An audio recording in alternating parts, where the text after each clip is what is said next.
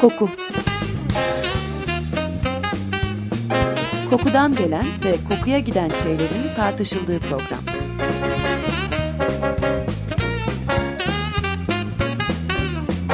Hazırlayan ve sunan Vedat Ozan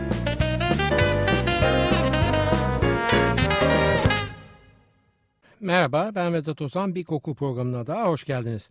Evet efendim geçen hafta başladığımız çay konusuna bu hafta devam ediyoruz. Hem tat olarak burukluğu hem ağzımızda bıraktığı kokulu iz yani aroma olarak birbirinden değişik muhteşemlikleriyle çay gerek tedavi gerekse keyif aracı olarak kullanılan dünyada sudan sonra en fazla içilen ikinci içecek. Biz geçen hafta hem çay hem de te kelimelerinin kökenlerini, yaprağın bir içeceğe dönüşmesindeki efsaneleri, işleniş şekillerine göre fermente olmayan beyaz, sarı, yeşil çayı, yarı fermente, oolongu ve iki önemli fermente çaydan biri olan kıymetli puer çayını anlattık. Sona kalan dona kaldı ve bizim içtiğimiz siyahından çay bu haftaya sarktı. Evet geldik bizim de içtiğimiz ve batıda genelde çay denilince akla gelen siyah çaya. İşlenmiş çayın kendisi gerçekten siyah göründüğü için biz siyah çay diyoruz ama Çinliler ve Japonlar bizim gibi katısının değil sıvısının rengine itibar edip kırmızı çay demeyi tercih ediyorlar. Onlar için siyah çay puer çayı gibi güçlü bir post fermente çay olabiliyor ancak. Biz de onların bizim çaya kırmızı demesine aldırmayıp bir Güney Afrika bitki çayı olan rooibos çayına kırmızı çay diyoruz. Rooibos çayı bizde pek yok ancak Avrupa ülkelerinde bolca satılıyor. Gerçek anlamda bir çay değil tabii ki yani Camellia sinensis bitkisinden elde edilmiyor ve orada yetişen başka bir ağacın yapraklarından son derece belirgin aroması olan bir bitki hatta çalılık rooibos. Zaten rooibos Afrikaner Hollandacasında kırmızı çalı demek. Çok keyifli, rahat bir içimi var. Rastlarsanız denemenizi öneririm rooibos'u. Neyse renk ve kavram kargaşasını bir yana bırakalım. Hatta Çinlilerin sıvının rengine takılmalarını falan da es geçip biz gene bildiğimiz gibi siyah çay diyelim bizim bildiğimiz ve içtiğimiz çay türüne bu program boyunca. Tamamen fermente bir çay türü siyah çay. Diğer daha az okside olmuş çay türlerine göre lezzeti çok daha yoğun ve içerdiği kafein miktarı da onların çok çok üzerinde. 1368 ile 1644 arasında Çin'de hüküm süren Ming Hanedanı sırasında ortaya çıkmış bu çay işleme yöntemi. O zamanlar çay gene buharlanmış ve kurutulmuş yaprakların suya bırakılmasıyla yapılıyor ama uzak limanlara gönderilen çaylar ayrı bir muamelede görüyor ve preslenip sıkıştırılarak tuğla gibi bir hale getiriliyor. Bu halde çayın lezzet yani koku ve tadını sıkıştırılmamış halindekine göre daha uzun süre muhafaza ettiği görülüyor. Devir batıyla ticaretin arttığı bir dönem Çin'de talep de var. E o zaman bu işi tamamen sağlama alıp çaya bir şekil vermeli ki yüklendiği yerdekine yakın bir lezzetle karşılaşsın batıdaki ithalatçılar. İmalatçılar bunun üzerine hava akımıyla fermente etmeyi keşfediyorlar çayı. Bu yöntemle rengi bakırımsı bir renk alıyor ve daha sonra doğal çürümesinin önüne de ısıtılarak geçilince ortaya çıkan sonuç tamamen fermente olmuş ve lezzetini oldukça uzun bir süre muhafaza edebilen bir çay oluyor. Her ne kadar yeşil çay sağlıklı olarak bilinse ve bir well-being modası haline gelmiş olsa bile Batı dünyasında satılan çayların %90'ı hatta %90'dan bile fazlası hala siyah çay. Bunun da iki sebebi var. Bir dayanıklı olmasından dolayı poşet çayların içinde sadece siyah çay kullanılıyor olması. İki ise buzlu çaylan meşrubatında gene siyah çaydan yapılması. Tüketimi oldukça fazla olan bu iki çay tüketim kulvarı da demleme siyah çayın yanına ilişince haliyle uzak ara birinciliği kimseye bırakmıyor siyah çay. Durum bitmedi. Siyah çayın da iki cinsi var. Biri bizim bildiğimiz ve demin bahsettiğimiz o geniş tüketimi olan düz siyah çay. Diğeri ise bence tüm çaylar içinde en keyifli içim lezzetini sağlayan ve maalesef bizde pek rastlanamayan isli siyah çay. Bu isli siyah çaylar içinde en bilineni de Lapsang Souchong çayı. Rivayete göre bir gün bir çay fabrikasının yakınında tam da taze taze çaylar toplanmış ama henüz işlenmemişken askerler kamp kuruyorlar ve bu kamp süresince de çalışanlar tesise giremiyorlar. Birkaç gün sonra askerler pullarını pırtılarını toplayıp terki mekanı ettiklerinde işçiler bir bakıyorlar ki çayları kurutmak için çok geç kalınmış ve eğer pazara çay gönderilip de satış yapılacak dolayısıyla çalışanlar da paralarını alma mutluluğuna erişeceklerse çözüm için tek yol kuruma sürecine müdahale ederek aşırı hızlandırmaktan geçiyor. Hemen çevredeki çam ağaçlarından tomruklar kesip yakıyorlar ve çayları kurutmaya başlıyorlar.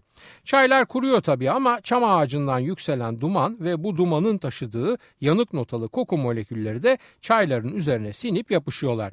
Bozuntuya vermeyip gene de satıyorlar ve böylece de oldukça rafine bir çay tipi olan isli çay bilindik ismiyle de Lapsang Souchong çıkıyor ortaya. Buram buram çay ve duman kokar, hafif bir ekşiliği vardır ve naçizane bendeniz bu alemde tek geçerim Lapsang Souchong'u. Tabii bu benim fikrim, yanık lastik gibi kokuyor ya bu diyenlere de rastlamadım değil. Evet çay çeşitlerini kısaca iki haftada tanıdıktan sonra müsaadenizle gelelim çayların nasıl sınıflandırıldığına. Öncelikle şunu bilelim ki çay yapraklarının sınıflandırılmasında kullanılan kriterler ülkeden ülkeye farklılık gösterebiliyor. Esasen sınıflandırma da bir kalite sınıflandırması değil ancak yaprağın boy ve rengini standartize eden bir ayrım yöntemi. Her ne kadar ülkeler arası farklılık gösterse de genelde kabul edilen dört sınıf var çay yapraklarında. Yaprak, kırık yaprak, elek altı ve toz. Çay yaprakları kurutucudan çıktıktan sonra eleklere geliyor ve bu eleklerinde muhtelif delik büyüklükleri var. Her tür büyüklükte elekte elendikten sonra gene de eleğin içinde kalan yapraklara ki bunlar en büyük yaprakları oluyor çayın haliyle oranj pekoe veya pekoe deniyor. Pekoe Çince beyaz tüy veya beyaz saç teli hadi daha da avamlaşalım beyaz kıl demek. Yaprağın altının dibindeki beyaz oluşumdan hareketle oluşuyor bu tanım. Peki oranj ne demek? Hayır portakalla falan hiç ilgisi yok. Biliyorsunuz ve daha önce bahsetmiştik dünya ticaretine çok uzun yıllar Hollandalılar ezici bir şekilde hakim olmuşlardı. Bu oranj kelimesi de onlardan geliyor. Kraliyet ailesi Orange hanedanına bağlı Hollanda'da yani bizim Osmanlı hanedanı veya İngilizlerin Tudor hanedanı veya Fransızların Bourbon hanedanı falan gibi yani. Zaten bayrağında tek bir portakal rengi olmamasına rağmen Hollandalıların portakal rengini milli renk olarak kullanmaları spor müsabakalarında takım formalarının falan hep portakal rengi olmasının sebebi de bu. Meşruti idarenin başındaki hanedanın ismi Orange yani portakal rengiyle ulusallaşmış durumda bayraktan ayrı olarak.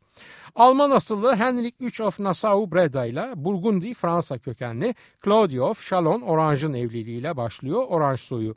Oğulları ana tarafından Orange Prensliğini ediniyor vesaire vesaire. Sonunda iş bu hanedan üyelerinden meşhur Orange'lı 1. Willem ve onun İspanyol hakimiyetine isyanıyla bağımsız bir devlet olmanın yolunu açmasına kadar varıyor. Bugünkü kraliçe Beatrix de bir Orange ve veliaht olan oğlu Willem Alexander da halen Orange Prensi diye anılıyor. İşte çay yapraklarındaki Orange isminin sebebi de bu. Çayı Çin'den Avrupa'ya ilk ihraç edenler Hollandalılar olduğundan kelli en üst ve en makbul yaprağa Orange hanedanına bir şeref bahşedilerek Orange Pekao deniyor. Evet eleğin üstünde kalan en büyük yapraklar bunlardı. Bundan sonra kırık yapraklar geliyor ikinci sınıf olarak. Bunlar aromalarını daha çabuk salmaya müsait ve daha doygun kokulu çay yaprakları. Elek altı denilen üçüncü ve toz denilen dördüncü sınıflamalarsa isimlerinden de anlaşılabileceği gibi en dibe düşen çay parçaları ve hatta partikülleri. Tahmin edebileceğiniz gibi poşet çayınızın içinde bunlar kullanılıyor. Zira çok çabuk varlıklarını suya salabiliyorlar ve bu da bir hızlı tüketim aracı olan poşet çayın çıkış mantığıyla birebir örtüşüyor. Sınıflamadan sonra sıra geliyor çayın nasıl paketleneceğine. Hani bilirsiniz viski ve hatta şarapta tek mahsul ürün vardır bir de karıştırılmış ürün vardır. Çay da eğer tek hasadın mahsulü olarak satılacaksa tek çay veya bahçe çayı ismiyle piyasaya sunuluyor. Viskinin single maltıyla benzetebilirsiniz bu uygulamayı. Ancak bu oldukça seyrek bir uygulama ve çay genelde karışım yani harman halinde piyasaya sürülüyor. Bunun sebebini de tahmin edebilirsiniz. Mevsim, tarla, iklim ve hasada göre kalitede dalgalanmalar olabiliyor ve tüccar harman yaparak bu dalgalanmaları minimum düzeyde tutmaya birinden az öbüründen fazla koyarak lezzeti yıllarca süreklilik arz edecek şekilde sabitlemeye çalışıyor. Bu harmanlama işi belki de bütün sürecin en önemli işi çünkü değişik çayları bir araya getirerek sabit bir lezzet yaratmaya çalışıyorsunuz. Yani mesela yabancı paketlerde görürsünüz breakfast tea veya afternoon tea falan gibi isimler. Onlar sandığınız gibi pazarlama cümleleri değil harmanın nevini belirten açıklamalar aslında. Elbette bu iş ticari bir iş ve şunu da unutmamak lazım ki harman yaptığınızda çok kaliteli olmayan ve düşük maliyetli mahsulü de yani tek başına olduğu gibi satılamayacak çayları da harmanın içine yedirip karınızı maksimize edebiliyorsunuz. Çay harmanlaması zorluğu ve beklentilerin yüksekliği nedeniyle tamamen bir ustalık işi. Öğrenmesi yıllar süren bir süreç. Harman ustaları bazen tek bir harmanın lezzetine ulaşmak için yüzlerce değişik çayı içmek ve koklamak zorunda kalıyorlar. Neden? Çünkü bir harmanın içinde 30 veya 35 değişik çay olabiliyor ve bunları iyi tanımadığınız sürece hangisinin ne miktarda katıldığında hangi lezzet yönünü öne çıkaracağını bilemezsiniz. Bu anlamda ben harman ustalığını parfümörlüğe çok fazla benzetiyorum. Bazen başarılı bir harman o çayı satan şirketin imzası haline gelebiliyor. O denli önemli. Unutmayın ki Twinings şirketi ki 300 yıldır çay piyasasının içinde bergamot aromalı harmanı ile Earl Grey standartını oturtmuş durumda. İlla aromalı olması gerekmiyor tabii ama çay harmanı bu kadar önemli ve kalıcı bir durum yani. Bir başka ünlü harman da mesela harman ustası James Raleigh'in Taylors of Harrogate şirketi için yaratmış olduğu harman. Bu çay karışımının ismi Yorkshire Tea diye geçiyor ve 70'lerden beri bayağı popüler ve tercih edilen bir harman. Olur da yolunuz İngiltere'ye düşerse sadece çay satan özel dükkanlarda bulabilirsiniz Yorkshire Tea harmanını. Çayın çayla harmanının dışında bir de çayın çiçekle veya meyveyle veya baharatla harmanı var. Özellikle günümüzde çok yaygınlaşan bir uygulama bu. Aslında aromalı çay başlığı altında değerlendirilmesi lazım bu çayların. Çünkü çayın kokusundan ayrı başka bir kokunun içecek üzerindeki hakimiyetinden bahsediyoruz. Çin'de en popüler uygulama Yaseminle kokulandırmak çayı. Bunun için sabahın köründe koparılan çiçekler gün batana kadar soğuk bir yerde bekletiliyorlar. Çiçekler açılıp o ezici Yasemin kokusu ortama salınmaya başlayınca hemen çay kapaklarının yanına alınıyorlar. Bazen üstlerine seriliyorlar çayın kasalar içinde ama her halükarda tek seferlik bir işlem değil bu. 2-3 kez yineleniyor bu çayı Yaseminleme olayı. Hatta çok çok üst düzey çaylarda bir aylık bir süre ve 7 kez Yaseminlemeden bile söz ediliyor. Bunun hemen sonrasında çay yapraklarında oluşan nemin alınması için yeniden ateşte tavlanıyor çaylar. Nasıl yapılmış olursa olsun turist tuzağı diyeceğim çaylar dışında hiçbir Yaseminli çay içinde Yasemin çiçeği kalmamış olması gerek. Neden? Çünkü kokusu neyse de Yasemin'in tadı çayın tadıyla çok uyumlu değil. Bu nedenle tek tek ayıklanıyor çay harmanına karışmış olan çiçekler. Ama diyebilirsiniz ki ya bana bir arkadaşım getirdi Yaseminli çay, na böyle Yasemin parçaları vardı içinde. Ben de derim ki o işte esas Yaseminli çay değil, görsellik algısı üzerine oynanarak satılmaya çalışılan düşük sınıf Yaseminli çaydır. Burada dikkat edilmesi gereken şu, Yaseminli çayla bergamotlu çay yani Earl Grey çayı arasında teknik bir sınıflandırma farkı var. Bergamotlu çayda çayın tadında da oynama meydana geliyor ve hafif acılaşıyor.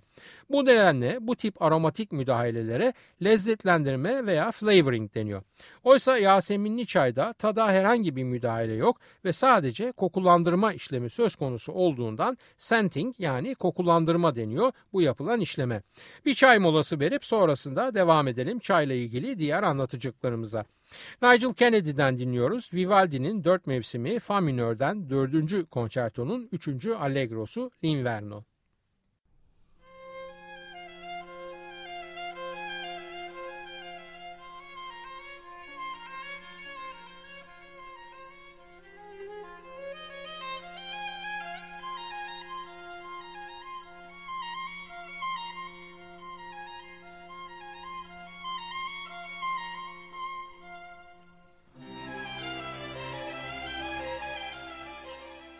Radyosunu yeni açanlar için hatırlatıyorum. Açık Radyo 94.9 Koku programındayız. Ben Vedat Ozan. Nigel Kennedy'den Vivaldi'nin dört mevsimi Fa minörden dördüncü konçertonun üçüncü allegrosunu La Inverno'yu dinledik. İşin teknik ayrıntılarını biraz kenara koyup bize çay nasıl gelmiş ona bir kısaca göz atalım isterseniz. Her ne kadar 12. yüzyıldan itibaren Anadolu'da çay içildiğine dair söylentiler varsa da hatta daha da geri giderek 479 yılında Türklerin Moğol sınırında çay ticareti yapıldığından bahsedilse de Türklerin çay içmesiyle ilgili ilk yazılı kayda 1631 yılında Evliya Çelebi'de rastlanıyor. Muhterem İstanbul'daki gümrük ve bac emirliğindeki memurların saraydan kendilerini ziyarete gelenlere Yemen'den kahve, salep ve çay ikram ettiğini yazıyor. Ancak asıl patlama 19. yüzyılda yaşanıyor ve bu dönemde çayhane ve konaklardaki çay odalarının sayısı bir patlama gösteriyor. İkinci Abdülhamit her ne kadar bir kahve düşkünü olsa da çaya özel bir ilgi duyuyor. Ekonomik değerinin de farkına vararak çay yetiştirmeciliği için epey bir çaba gösteriyor.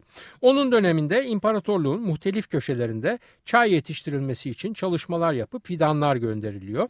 Aslen Çin çayı olmasına rağmen bu dönemde imparatorluğa giren çay Rusya'dan geliyor ve bu nedenle ismi Moskov çayı. Semaverle çay demlemek falan hep İran üzerinden Rusya'ya oradan da bize geçmiş alışkanlıklar. Hoş bugün semaveri artık herhalde sadece müzelerde görürüz ama ben çocukluğumda mesela bizim evde biri gümüş rengi diğeri pirinç olmak üzere iki ayrı semaver hatırlıyorum. Nerede çay yetiştirebiliriz arayışları içinde önce Bursa falan deneniyor. Ancak sonra Karadeniz kıyılarının doğu kesimleri hem aldığı yağış hem de yüksek rakımın iklim koşulları nedeniyle en uygun yer gibi görünüyor. Ancak araya o kadar çok savaş giriyor ki 1930'lara yani Cumhuriyet sonrasına kadar ciddi bir çalışma yapılamıyor ve dolayısıyla dişe tırnağa dokunur bir verim alınamıyor. Bu dönemde Birinci Dünya Savaşı sonrası ekonomik koşullarda oldukça pahalı hale gelen ithal ürün kahveye karşı ciddi bir alternatif olarak çaycılık meselesi ele alınıyor ve sonunda Rize Çay Fabrikası'nın kurulmasına kadar giden süreç başlatılıyor. Sınırdaki Gürcü Batum Zaten çay üretiminde rüştünü ispat etmiş bir kent. Buradan da gelen Gürcü göçmenler ve çay üreticilerinden 10 yıl emlak vergisi alınmaması veya bedava tohum dağıtımı gibi akıllı teşviklerle bu bölgeye çaycılık bir giriyor bir daha da çıkmıyor zaten bildiğiniz gibi. Burada yani Rize ve çevresinde üretilen çaylar hem iç tüketimi karşılıyor zira inanılmaz çay tüketen bir ülkeyiz hem de dünya pazarlarına satılıyor.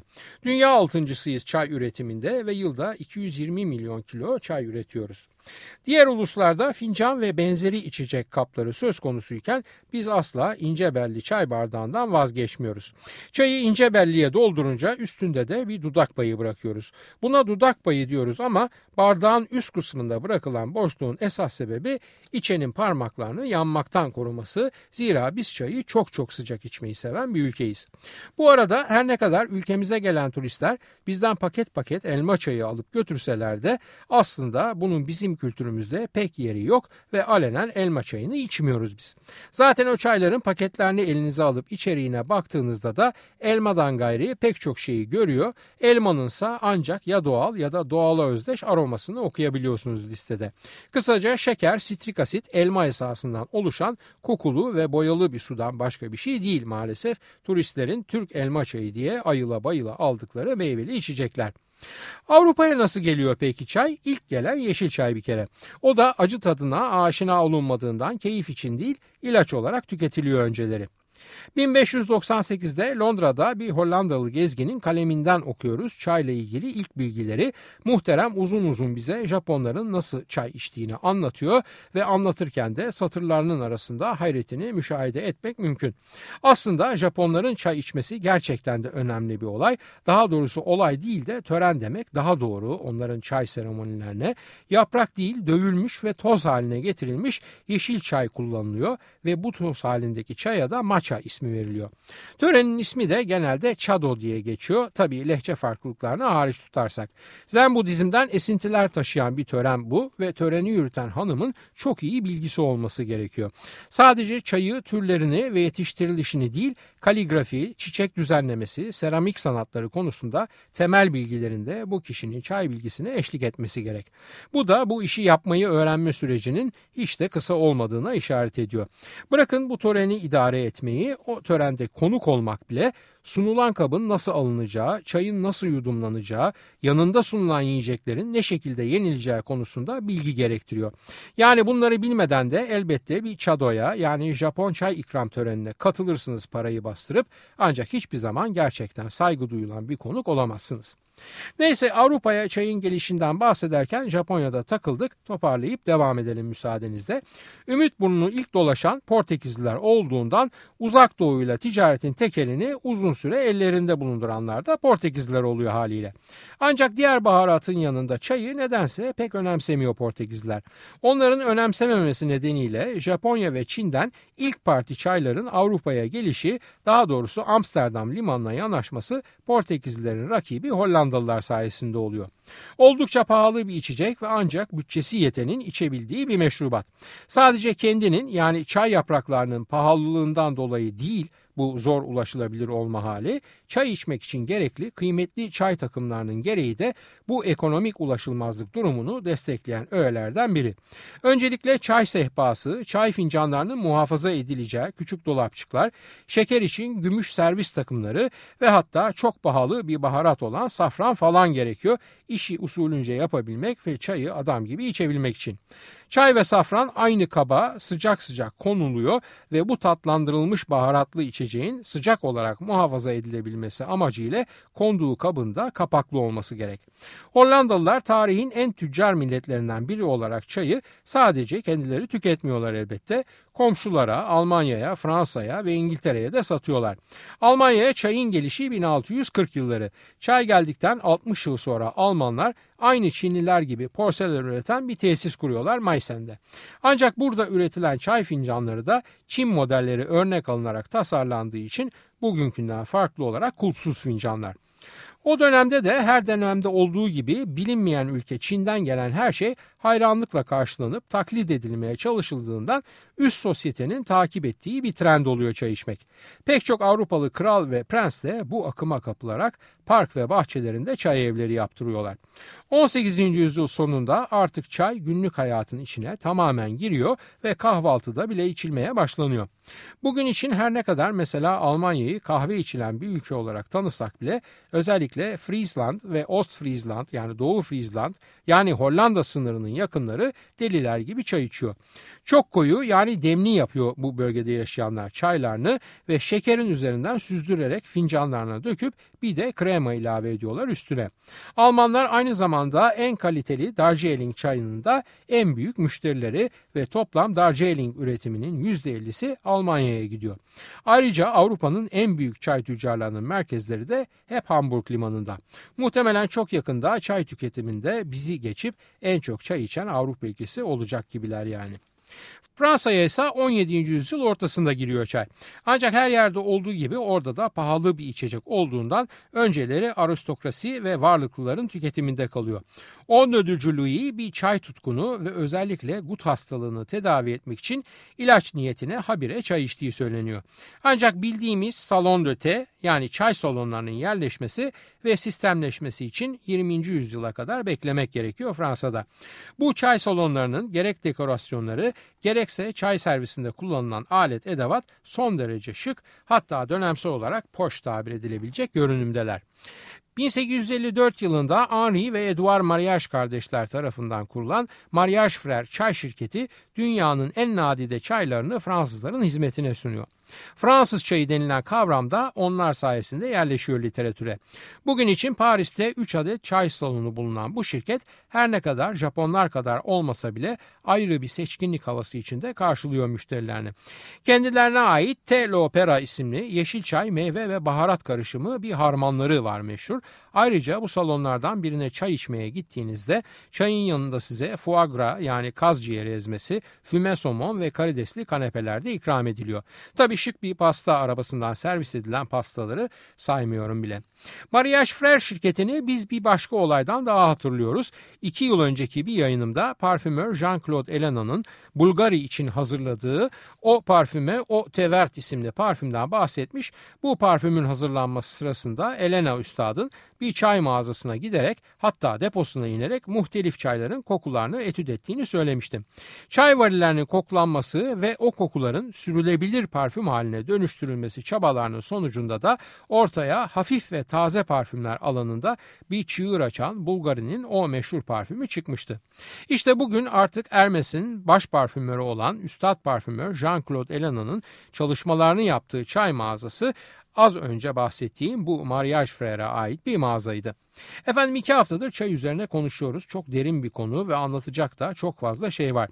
Aksi gibi ben de çay ve kahveyi çok sevdiğimden bu konular söz konusu olduğunda çenem bir açıldı mı kapanmak bilmiyor.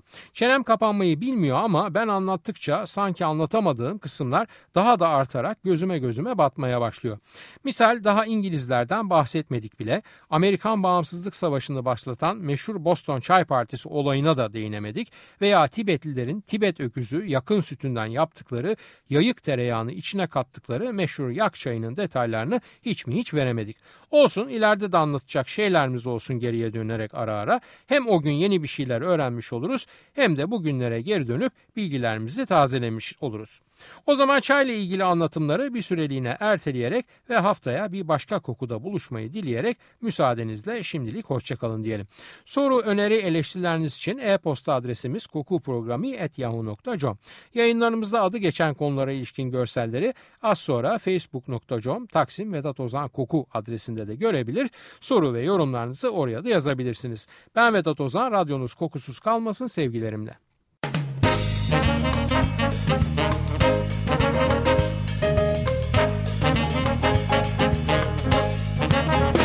Koku Kokudan gelen ve kokuya giden şeylerin tartışıldığı program.